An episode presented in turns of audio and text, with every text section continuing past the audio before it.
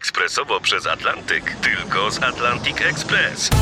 Z nami wyślesz co chcesz, kiedy chcesz, do kogo chcesz i to o 40% taniej.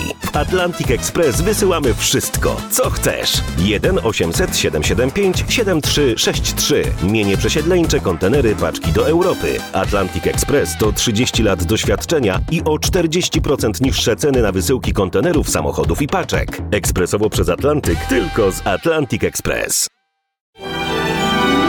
Mało kto dziś pamięta. Datownik historyczny prezentuje Maciej Korkuć.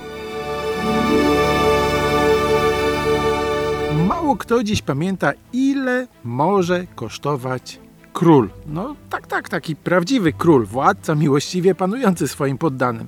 19 września 1356 roku Francuzi stanęli przed takim pytaniem. Trwała wojna stuletnia pomiędzy Anglikami i Francuzami. W sierpniu 1356 roku Edward Woodstock, książę Walii, zwany Czarnym Księciem, uderza w rejon centralnej Francji, aby odciążyć nacisk Francuzów na angielskie garnizony. Władca Francji Jan II Dobry postanawia rozgromić wojska Edwarda, nie bacząc, że staje naprzeciw jednego z najwybitniejszych dowódców epoki. Edward nie przyjmuje bitwy, zwija oblężenie Tours i wykonuje kontrolowany odwrót na południe. Francuzi podążają za nim.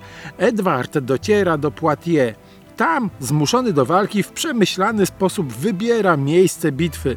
Francuzom skutecznie narzuca scenariusz starcia. Upozorowany angielski odwrót wciąga francuską kawalerię w pułapkę. Rycerze padają jak muchy w gąszczu strzał angielskich łuczników. Francuska piechota nie jest w stanie odwrócić losów bitwy. Niektóre oddziały ogarnia panika. Król Francji straceńczo próbuje reagować. Rusza do ataku z pozostałą częścią wojska. Mordercza walka wręcz nie pomaga, bo Edward ma asa w rękawie. Dodatkowe oddziały angielskie ukryte w leśnych zagajnikach. Król Jan II Dobry trafia więc do niewoli. Podobnie jak mnóstwo jego rycerzy. W średniowiecznych bitwach to było ważniejsze niż fizyczne zabijanie wroga. Wziętych do niewoli trzeba było wykupić.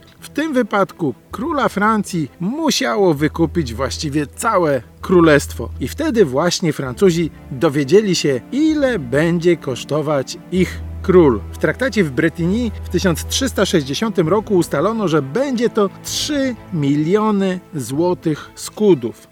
To mniej więcej dwa budżety całego królestwa. Króla wypuszczono, aby we Francji taką kwotę uzbierał.